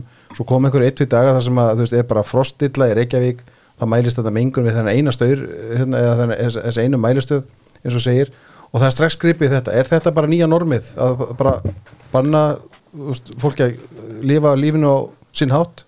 Þetta er bara út, eh, er, það finna bara allir fyrir þessu. Mm -hmm. Reykjanesbrautinu var lokað vegna skafrennings. Uh, og, og það eru gular og appisinu gular og rauðar viðvarani hér sem dinja fólki í hverri viku ekki myndi ég vilja vera litblindur í þessu samfélagi. Maður væri sennilega döður Katrín Alladóttir sem er nú fyrirhandi borgarfulltrúi hérna í Reykjavík skrifaði áhugaverð greinum daginn og talaði um landlítakóðana já, á bara hún fikk gularspjaldi fyrir þá grein. Það þarf, það, það, við þurfum að það þarf að vinda ofan að þessari hugsun og, og, eins og þú nefnir sko hilsuvendamörkin jú og veist, við megum ekki sprengja flugelda hér eh, einn dag á árið að því að það fer yfir hilsuvendamörk að því að fólk með lúnateppu eða eitthvað slíkt á erfitt þessa daga. Þannig að í stað þess að leysa málið út frá þessum fámanna hópi bara með því að bjóða þeim bara hótelgisting og, geysi eða eitthvað, ég veit ekki hvað og, og leifa fólki þá að lifa lífinu án endalusra leiðinda að þá er alltaf verið að, að kalla eftir auknum bóðum og bönnum. Og ég ætla að fá að nefna með þessa svifriksmengun jújú, sko nagladekk menga þau eru öryggistæki og við hefum ekki að gera lítið úr, úr því uh, úr nótkun nagladekka þar sem að þeirra þörf þó það megi sennilega draga talsvægt úr nótkun þeirra. Uh, hvað er það sem að veldur mestri loftmengun í borginni? Það eru þetta þessar illa eða óþrifnu götur eða akið hérna sæbrautin eða miklubrautin eða grensásvegin eða ringbrautin eða, eða, eða bara hvaða stoppveg sem er á eftir strætó til dæmis í þurru veðri þar sem að götunar eru þurrar Heru, það sér bara ekki handa skil. Það er í þeim aðstæðum sem aðstæðuna verða eins og í þokunni miklu í London. Einmitt. Hér á sjötta áratögnum ef að borgin og, og nærlegjandi sveitafélum myndu standa sig í því að halda götunum hreinum þegar færi gefst, þá myndi sviðruksmengun minga til munna mm -hmm. bara æsku minna Reykjavík, ég er nú alveg út á landi en ég kom til Reykjavíkur nokkur sem ári. Hvað var það sem maður tók einna óttast eftir? Það voru alltaf appisungulir götu sópar að vinna, það, það voru alltaf þrýr, fjórir, fimm slíki sópar í gangi áriðum kring við það að halda götunum hreinum. Heyrðu það, það bara, það heyri til stórtíðinda ef að uh, borginni tekst að þrýfa götur. Og maður sér þetta bara meðfram öllum hérna gangstéttum og, og svona kantsteinum í, í eins og í þessum slaufum sem er búið að byggja upp skeifun og viðar að þetta er allt yfir fullt af drull þannig að sko niðurföllin stíplast jafnvel að svifri ekki ógið. En þeir vilja ekki leysa þetta vegna þeir vilja að hún uh, Steinarstóttir Svafa. Svafa Steinarstóttir, þeir vilja gefa svona fólki tækifæri til þess að stíga fram og, og þrengjað okkur enn eitt dæmi sem ég ætla að fá að nefna Pavel Bartosek sem við stundum nefni hér, svo ágætti maður hann fagnar því núna mjög að það er að þrengja snorrabrautina niður í eina akrein og þau vilja þrengja allstaðar að akandi umferð. Snorrabrautin er ein megin stopnæð sjúkraflutningamanna til landsbítalans og sérsveitarinnar til og frá lauruglustöðinni niðri við skólagötu í alvarlegustu útköllum sem að koma upp á Íslandi. Hvað ætlar þetta fólk að gera þegar að fólk uh, fer að deyja í sjúkrabílunum uh, þegar að for, bílar í forgangsakstri komast ekki að spítalanum eða þegar sérsveitin kemst ekki á vettvang til að stöðva brjálaða menn uh, sem að skjóti í allar áttir. Hver ætlar að bera ábyrða á því? Hverjum dettur í hug að þrengja að götum sem að liggja að helstu öryggi stofnunum samhélagsins og þetta er bara, allir ánaði með þetta. Já, já, fólk flýsa bara við þessum orðin þínu sko. Já, þar til að það liggur sjálft í sjúkrabílnum eða aðstandendur þeirra. Hvað, fólk á að setja sig í þær aðstæður. En þetta er alltaf svona, ég meina það var hérna vandraði með sko veitukerfið í fyrir vetur, veist, það var allt stíplað og því að þið eru ekki haldið við í mörg ár, það er allt í tómu tjóniðar. Og hvað gerist, þá mæti bara frangatöri veitna í sjónvarpinu okkur um setna fyrir að skamma fólk fyrir að henda blöyturkum og túrtöpum í klóstið sko. Þú veist, jújú, jú, það máli að vera með hérna, upplýsingar varandi það, en það er ekki stóra málið. Og þetta er einhvern veginn alltaf svona, þú veist, þegar að það er síðan mingunum Reykjavík, þá bara mætir einhver starfsmann frá borginu fyrir að skamma fólk fyrir að keira. Það var Bjæketsson gerði slíkt þið sama í fréttum í vikunni, fór að tala um bara fólk keirða mikið og bílaverkinu og umhverfsvennir og nagladekk og allt þetta. Þetta er alltaf sami söngurinn, sko. Já, já. Bara fólkinu að kenna. Við, ég myndi á það í pislum daginn og fræga setningu úr setning, eða þegar Ronald Reagan uh, var settur inn í embætti fórsetta bandarækjana í áspyrjun 81. Hann byrjar ræðin á að segja We are a nation that has a government but not the other way around.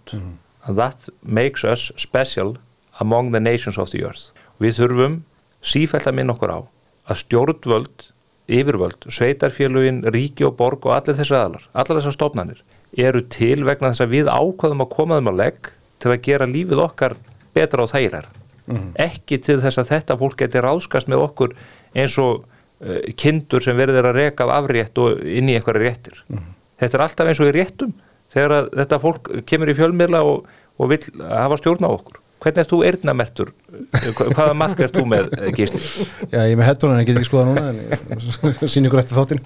við höfum komið þessum stofnunum á legg til þess að þjónust okkur. Eitt dæmið er bara eins og þetta heilbyrðisættilit, þessi konan starfa fyrir, sem að heldur veitingahúsum í heljar greipum í Reykjavík. Ég veit dæmið að veitingahúsum sem hafa ekki getað opnað vikum saman, allt tilbúið, búið að setja upp alla 17 vaskana, upp og niðri, skápana með þessari sápunni og hinn og niðurfallið og, og hugsa ykkur það, það veitingahúsi í Reykjavík þurfa að gera samning við meindýræði sem að kemur einu sinni mánuði til að kanna með músagildrur og, og annað slíkt. Ég er í nýjustu húsum. Það þarf að setja upp músagildrur í veitingahúsum á 17. hæð í, í, í háhísi. Það myndi engi mús hætta sér svo hátt. Og, og, og allt er þetta kostnaður sem að síðan uh, fer út í verðlag og, og, og þjónustugjöld til okkar. Og þetta er bara einhver della sem einhverju stjórnmálum að þurfa að bara berja í borðið og vinda ofan af. Svo er þetta merkilega með heilbríðisreglur, heilbríðis eftir í Reykjavíkur, sko það, það er ekki til svona ein reglugjör fyrir allt landi, þú getur verið með allt öðru sér heilbríðisreglur í Reykjavík og Kópói, svo dæmis tekið. Já, já. En það eru menna að styrta snjó í, í sjóin í öllum sveitafélagum nefnir Reykjavík. Já. Talandum að styrta í sjóin, það búið að reyka fórstjóra, hörður. Já, Ég sagði viðskiptilífið, svo, svo ég vindi mér á einu í annað. förum, förum úr, myndiriðum yfir í viðskiptilífið. sko, það var hérna bara stjórnar því vikunni að, að vísæði láti fórstjóran fara og væri, það væri ákveðin stefnumbreyting þar á. Uh, það án var áhugaður tilkynning hvernig hún orðuð Já, það, ég, það var það sem ég ætlaði að koma að sko. Ég meina, við sáum mál síðasta sumar þar sem að uh, festi let fórstjóran sinn fara og orðaðist þá tilkynningum allt verðum hætti. Hver er muninn á þessu á þessu- á þessum tveimur uppsöndum í rauninni? Já, eins og nefnum með, með uppsögn ekkert í festi síðstlítið sumar eh, þeir sem lásu tilkynninguna er kannski ekki vanir að lesa tilkynningu kaupillinu þegar þeir verið að láta frangustjóra eða fórstjóra fara. Og þá verður oft þessar tilkynningur og orðaðar með svona mildilegum hætti. Þú þarft aðeins að lesa með línuna hvort að hann að í tilfelli ekkis var erfitt að sjá hva, hva, hvort væri Já, já. En það var nú hann- beinlega slátið að því liggja að hann hefði bara ákveðið þetta sjálfur Já, svona, það- Það, það var- ósk. en eins og, eins og við höfum rættum hérna þá, þá kom fljótlega ljós að svo var ekki en e, núna mátti öllum vera ljós sem lásu þessa tilkynningu um e, uppsögn Helga hjá í vís sem fórstur, búin að vera fórstur í hátt í fimm ár og satt best að segja að það var eiginlega það var eiginlega bara trekk í trekk í, í tilkynningunni hamra á því þannig að þannig að það var engum vafa undrópið að maðurinn hefði verið e, dregin Hún var skrifuð til þess að Ásker Brynjar myndi skilja hana. Þannig að maður það fór, fór að velta fyrir sér hvort að þetta var nú svona ein afleðinga þessu festismáli að, að núna séu stjórnir félagana mjög meðvetur um það að, að skrifa tilkynningar með þessum hætti þannig að þessi ekki vera að blekja markaðin eins og svo umræða sprattum í kjálfarið á, á því máli. Og hann að ég, ég held að ég held að það hef ekki verið neitt sjokker fyrir markaðin að það hef verið eh, dreigð til þessara tíðinda í félaginu með þessu. Við höfum þetta séð nýja fjárfesta vera að kaupa sig inn í vís. Mm -hmm. uh, fjárfestingafélagi uh, er einn af stærstu lutuðanum hann að koma inn fyrir tæplega einu ári síðan og svo er Bjarni Ármarsson stór fjárfestir þannig sín og það hafa svona, þú veist, verið auðvitað alls konar botlengingar um hvað þessi stóra engafjárfæstar ætlið sem er félagi mm -hmm. það var stopnað hérna í haust nýtt eignastringafélag hjá mm -hmm. Vís sem vísir hlutafi í á samt starfsmunni félagsins og menn hafa svona verið að býða það kemur tilkynningum stofnum félagsins og svo er ekkert að frétta mm -hmm. Uh, ég held að það nú verið gætt eitthvað svona óana í, í röðum hluta og annar að þú veist hvert er planið með það félag? Og þeir látaði veðri vaka í þessu tilkynningu að þú veist að greinilega einhver áform um að stækka félagi, það látiði veðri að vaka síðu tækifæri mögulega í fjárfæstingastað sem og annað. Þannig að það er greinilega eitthvað svona vekkferð sem er verið að hrinda í staðuna með, mm. og uppsögnu að helga liður í því og hann er kannski ekki verið rétti maðurinn í það, félagi hefur skoðar, það er nú eitt skráðfélag, tryggingafélag markaði sjóa uh, kostnaður vís er talsett hærri heldur sjó á mm -hmm. vís er að missa hlutild á vátryggingamarkaði og svo framvegis. Þannig að það verður mjög átt að sjá svona, þeir búið einn áhugaverðstæðin sem var ekki natikla á í gær eftir söguna, nú eru af þeim fjórum tryggingafélum sem er starfandi í Íslandi uh, vörður og TM og vís og sjóa að það eru núna þrýr bráðabera fórstjórar sem er að stýra þessum félagum Já. Það, það sem Herman lítur að verða óörugur með sig. Hvað hva næst? Einmitt Nei, þetta er, eh, sko, Helgir er nú vært maður og, og maður svona hefði talið að hann væri óumdeildur í sínu störfum en svo þetta bara tala tölutna sínu máli og, og hluthafarnir hafa sína skoðun og, og stjórnin og hann sennilega einhver aðra. En er það ekki bara eitthvað máli, menn ekkert er líka vært maður, sko? Jú, jú, og ég held líka, og ég held að menn hafi lært áltið á þessu málum ekkert, sko, það er þannig að það, menn hafa bara ólík sjónamið og ódýra leiðin út hefur alltaf verið svo að segja, heyrðu, ekkert, við ætlum að reka þig en hérna, við þetta setjum í tilkynninguna að þú bara þurfa að sinna golfinu betur eða, eða hafa verið ákveðið að hérna, fara einbeitaður öðrum áhagamálum og þetta er svona smúð fyrir alla. Mm. en e, í lókdags þá er það ósatt. Mm og markaðun á bara rétt á því að vita það, það er ekkert óeðlegt að menn segja bara hér er bara áherslu munur og þá víkur fórstjórin, ekki, ekki vikið eigendurnir fyrir fórstjóranum, mm. það, það er óheilbriðt ástand. Og ég vona bara að það sé hérna að þetta sé svona táknýra tíma. Við hættum að fá þessar legasögur mm sem er bara, eru allt um líkjandi viðskiptafréttum varðandi starfslokk fólks. Við komandi bara var sagt upp að þeirra áherslu breytingur eða áherslu munur mm og það er engin álitsnekkir fyrir helga eða, eða ekkert í því. Menn hljóta sjá í gegnum það. Og og þetta auðvitað undirstrykar þá líkun um leið og kannski gefur þá blessum fórstjórunum sem eru ekki látt launaðir ástæðu til að útskýra af hverju þeir eru hátt launaðir og með þannig jeppa og allt það sem að því fylgir. Það er vegna þess að þessi störf eru e, ótrygg. Mm. það getur fjarað mjög hrætt undan þeir ef að eignarhalsbreytingar verða eða ef að þú stendur ekki næra vel. Þá ert ekki eins og ríkistarsmaður og menn býða bara eftir þú verði sjötugur. Þeir eru bara hend út. Og Og þú verður ekkert í mál við hérna aðunningandan og allt þetta? Nei, það, það er ekkert stjættarfélag fórstjóra sem að, sem að tekur á, slí, á slíku sko. Þannig að þetta, ég vona að þetta sé til, til margsum um bara nýja tíma og auðvitað vonandi að, að við fái nýjan öflugum fórstjóra og bara samkjöfnin á, á tryggingamarkaði e, eflist. Mm -hmm. Haldið umfyllunum um mál festar, eða festis hafi hérna, haft áhrif á þetta? Bara, já, á já, Tvímælalaust. menn bara átt að segja á því að, að þegar að það er bullandi ágreiningur átök, þetta er bara valdabarátta og, og hagsmunabarátta. Og, og, og það er allt í og getur ekki verið bara, bara um áherslu? Já, já, já, og það bara getur verið og þetta, það hefur sennilega orðið hörð barátta þarna skilur að þá mun skíturinn alltaf komið på yfirborðið. Þannig að ef að menn eru að ljú eitthvað í svona tilkynningum þá bara getur það haft al alvarlegar afleðingar Já, já, heldur betur Endum, fyrir maður hérna, slúta þessu. Rauðin er að vera búið Þannig að hérna, endum á því að tala aðeins um krónuna. Hérna, Hún er að lækka svolítið hratt Og við, við, við ja, hratt, hún, er, hún, hún er veik í byrjun ás uh, Hvernig lítur það Hvernig lítur það út og hvað áhrif mun það hafa svona næstu mánuði? Já, eins og segir, hún það var svona tvískipt á síðast ári. Krónan hækkaði mjög skart á fyrir helmingnum.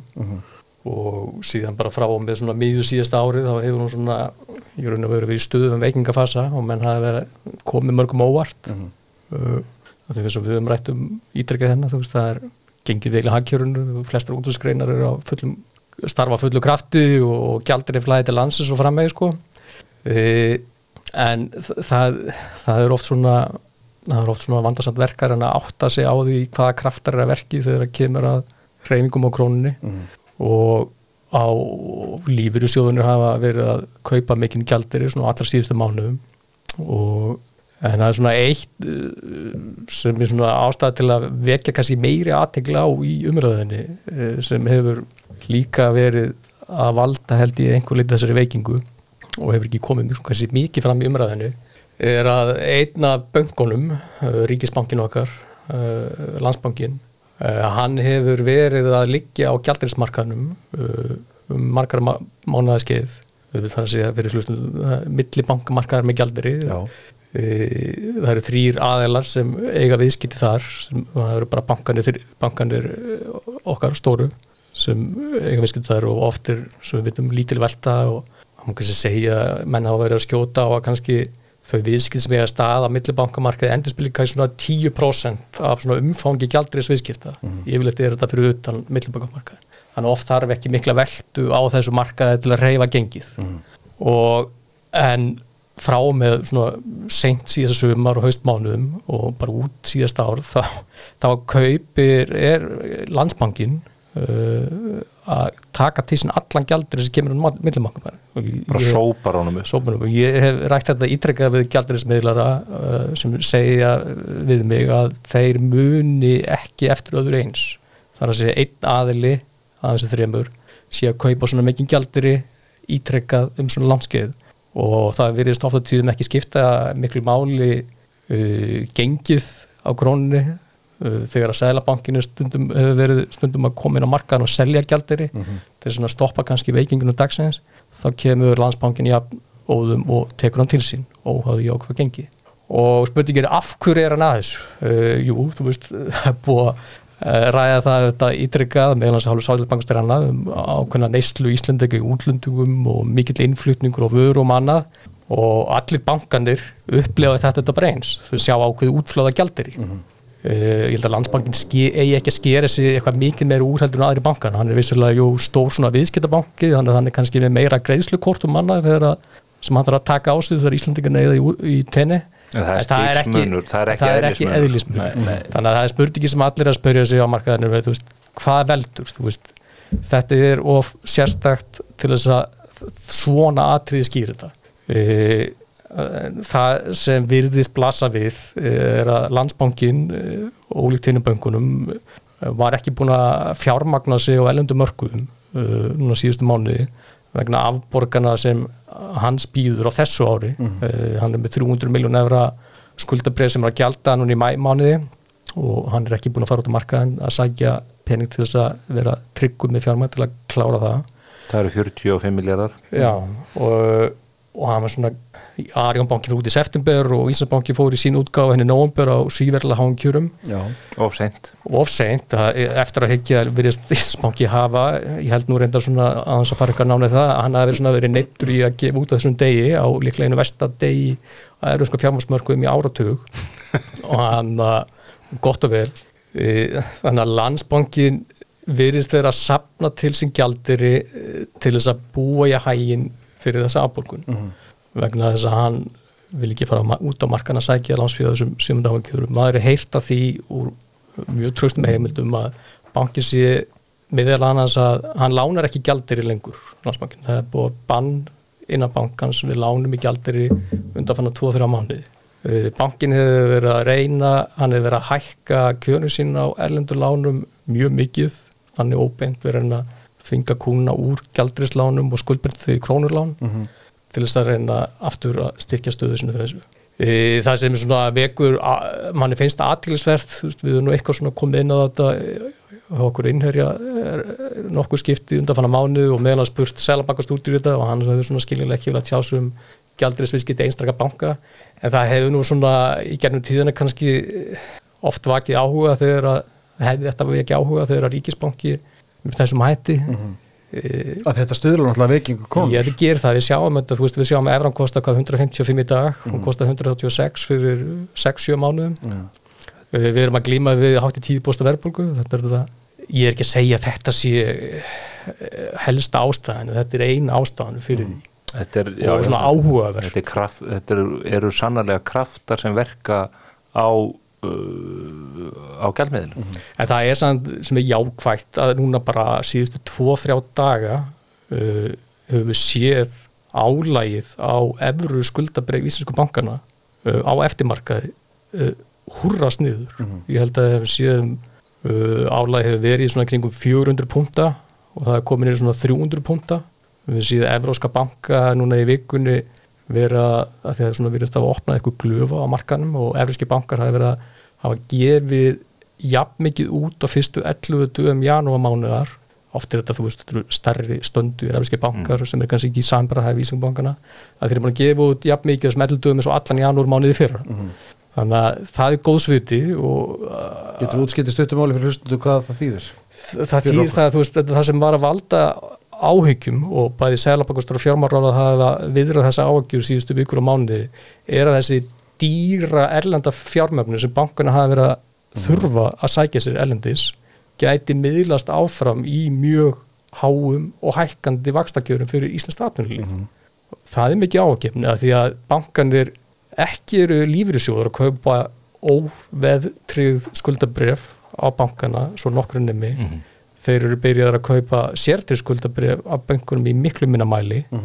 Þannig að hver á fjármagna bankir Já, það er, það er svona efni kannski í aðra ástæðum. Já, já bankarnir hafa verið bara í mjög kröppum dansi, sko, þess, þetta útbóð Íslandsbanka þarna í loka árs var mjög vont. Þeir, þeir neyðast þess að gera þetta á degi sem er bara daginn áður en að nastakmarkaðurinn hækkar dramatíst, þannig að þetta er eiginlega á dag, má eiginlega halda því fram að þetta sé svo dagur þar sem að verstu kjörin voru í bóði en þeir höfðu ekki aðra kosti, þeir höfðu brunnið inni og þetta snýra þessi skuldabrefa útgáfa öllu snýra því að búa til stöðugt langtíma fjármagn í fjármagnum bankana, þetta er mjög mikilvægur tátur í, í því að, að byggja upp uh, svona eigin fjárgrunara og fjármagnun og uh, það, það sem að uh, ég tók nú viðtal við fórstjóruna eða bankastjóruna þrjá uh, milli jól og nýjás, í svona áramóta uppgjöri og þar rættu þeir. Já, dagmálum og þar rættu þeir hispurslaust um þetta og bara lístu því hversu óbáslega erfitt þetta ástand hefði verið. Voru í raun og veru miklu bersögulli um þetta heldur en ég átti von á. Mjög, en þar kom til dæmis Lilja Björg bankastjóra landsbankars með forutnilega punktar sem að mér brá mjög við að heyra því að þar segir hún þegar ég er að spurja nóti af hverju þetta sé svona erfitt fyrir okkur og þá segir hún orðið rétt hér tilvitnum hefst Evrópa er að skiptast í stórlönd með mjög seljanleg skuldabref og svo er þetta litlu löndin. Og við flokkum sem lítið land og erum eitt að minnsta það er helst seljanleiki ekki Ísland sérstaklega sem að hefur þar áhrifsrætt svo segir hún áfram, það eru Ísland Tjekkland, Rúmenía Búlgaria, Slóakia öll þessi lönd sem eru minni og við sem fjármálafyrirtæki minni löndum finnum fyrir því. Þegar ég sé þessi lönd talin upp er ég ekki að hugsa um stærðir þeirra hagkerfana því að það eru önnur lönd minni að að stærðu umfangi bara Danmörk sem að nefni dæmi sko, allan að það er mannfjöld og annað.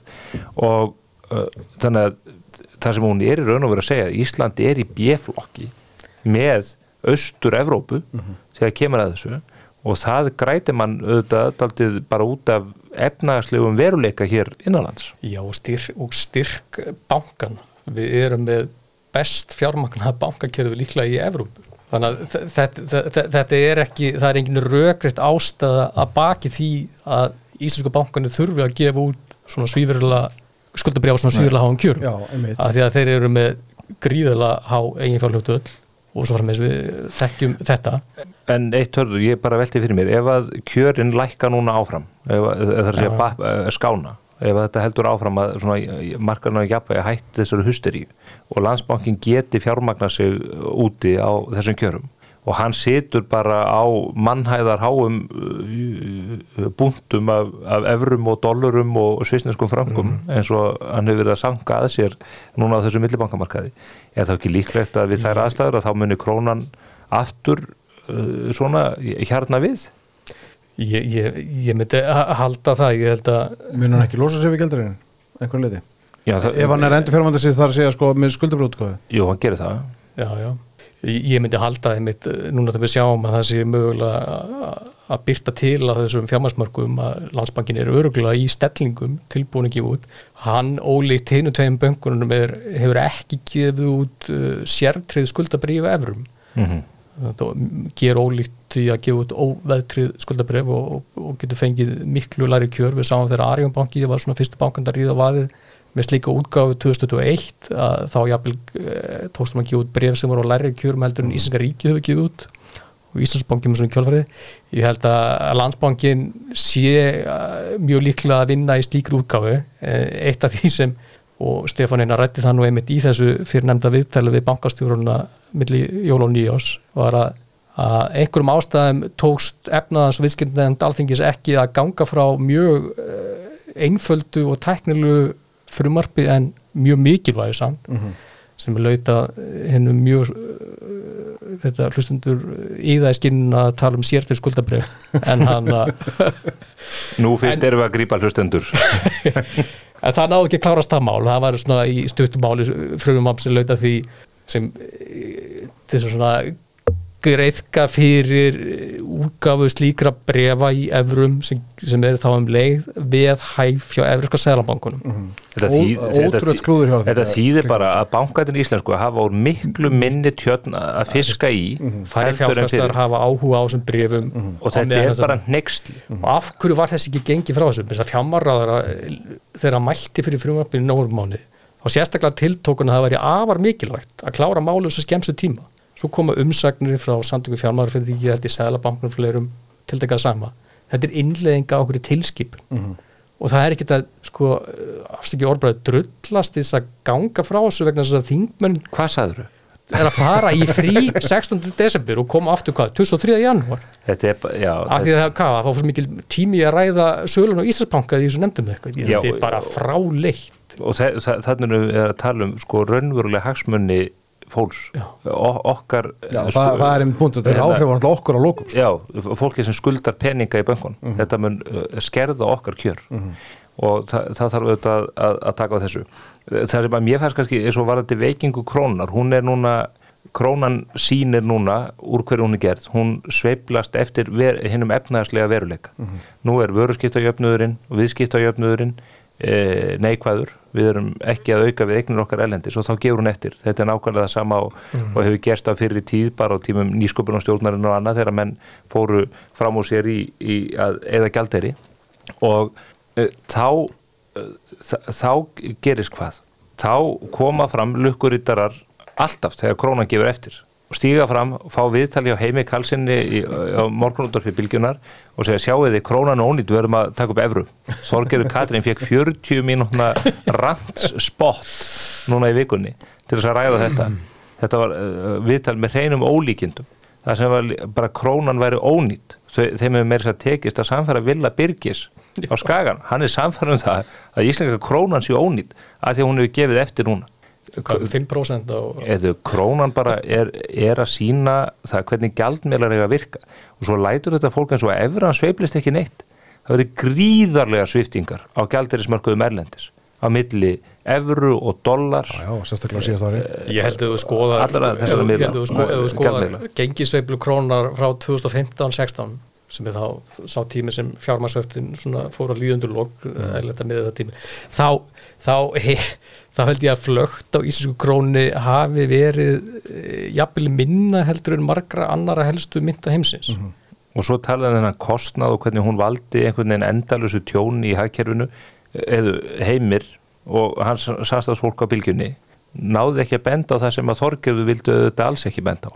Og það er það að aðal ógn eh, hagkerfana í dag er verðbólka og samkvæmt samræmdri vísitölu mælingu sem að við nótust ekki við hér innanlands en er það sem að gefur okkur raunsana mynd og, og samanburðar möguleika mitt landa að hún er bara lægri hér og hefur verið viðvarandi lægri hér heldur en einmitt í Efrulandi. Mm -hmm. Sæluríkinu sem að þorgerður mm -hmm. og þetta lið vil koma okkur inn í. Mm -hmm. Hvernig heldur fólk að ástandi væri hérna í hagkjörnum með tillit til verðbólgunnar þegar allt er hérna í blúsandi siglíkum með 7% hagvöst ef vextur Sælabankan sem í þessu vilja verða erra Sælabankans væru hvað, tæmlega 2% Já, ég veit Væri það ekki gegn Nei, við varum líklega með tyrkneska verðbólku sem var 80%. Það er, það er það sem að menn gleyma, svo þetta reyndar eru vextir mismunandi innan efruðsvæðisins og þeir, þeir takað ákveðnuleiti mið af raunveruleika hagkerfisins.